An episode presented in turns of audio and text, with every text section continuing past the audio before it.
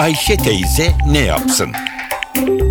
Güngör Oras, Ayşe teyzeye ekonomide olan biteni anlatıyor.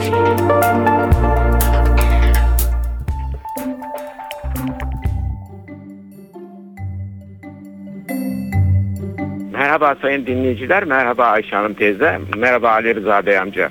Geçen hafta sonu küresel piyasalar dalgalanmaya başladı. Türkiye'de tabii ki bundan nasibini aldı. Ne oldu?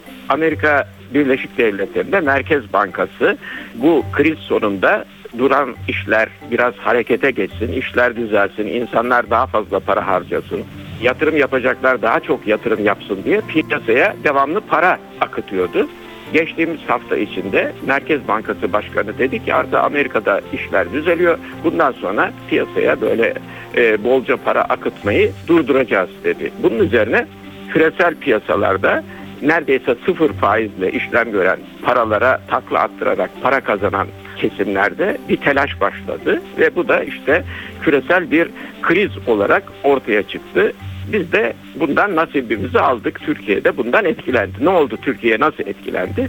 Ee, önce döviz fiyatlarında bir hareket başladı. Sonra faiz yükselmeye başladı. Derken borsada fiyatlar geriledi. Şimdi bütün bunlar küresel piyasaların yeni bir denge arayışının sonucudur. E, Türkiye'de de tabii ki bu küresel piyasalarda oluşacak yeni dengeye göre dengeler oluşacak. Tabii ki biz bu dalgalanmalardan etkileniyoruz. Bundan önce de etkilendik. Ama bizim bir özelliğimiz var Türk piyasalarının. Türk piyasaları krize çabuk giriyor. Başkalarından daha güçlü olarak krize giriyor ama krizden de biz çabuk çıkıyoruz. Burada morali bozacak işler bitti, öldük bittik, mahvolduk diye bir durum yok.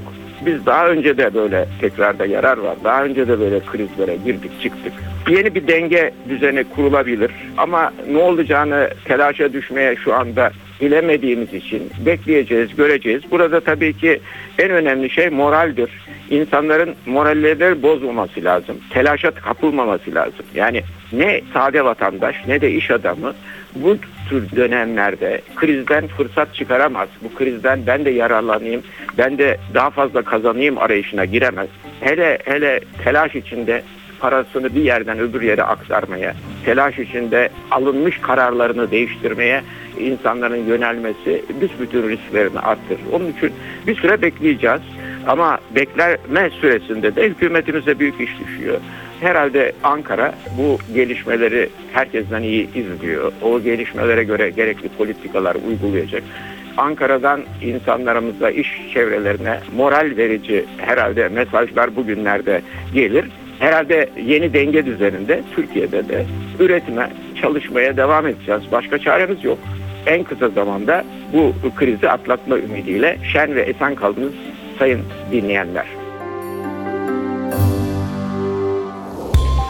Güngör Uras'a sormak istediklerinizi ntvradio.com.tr adresine yazabilirsiniz.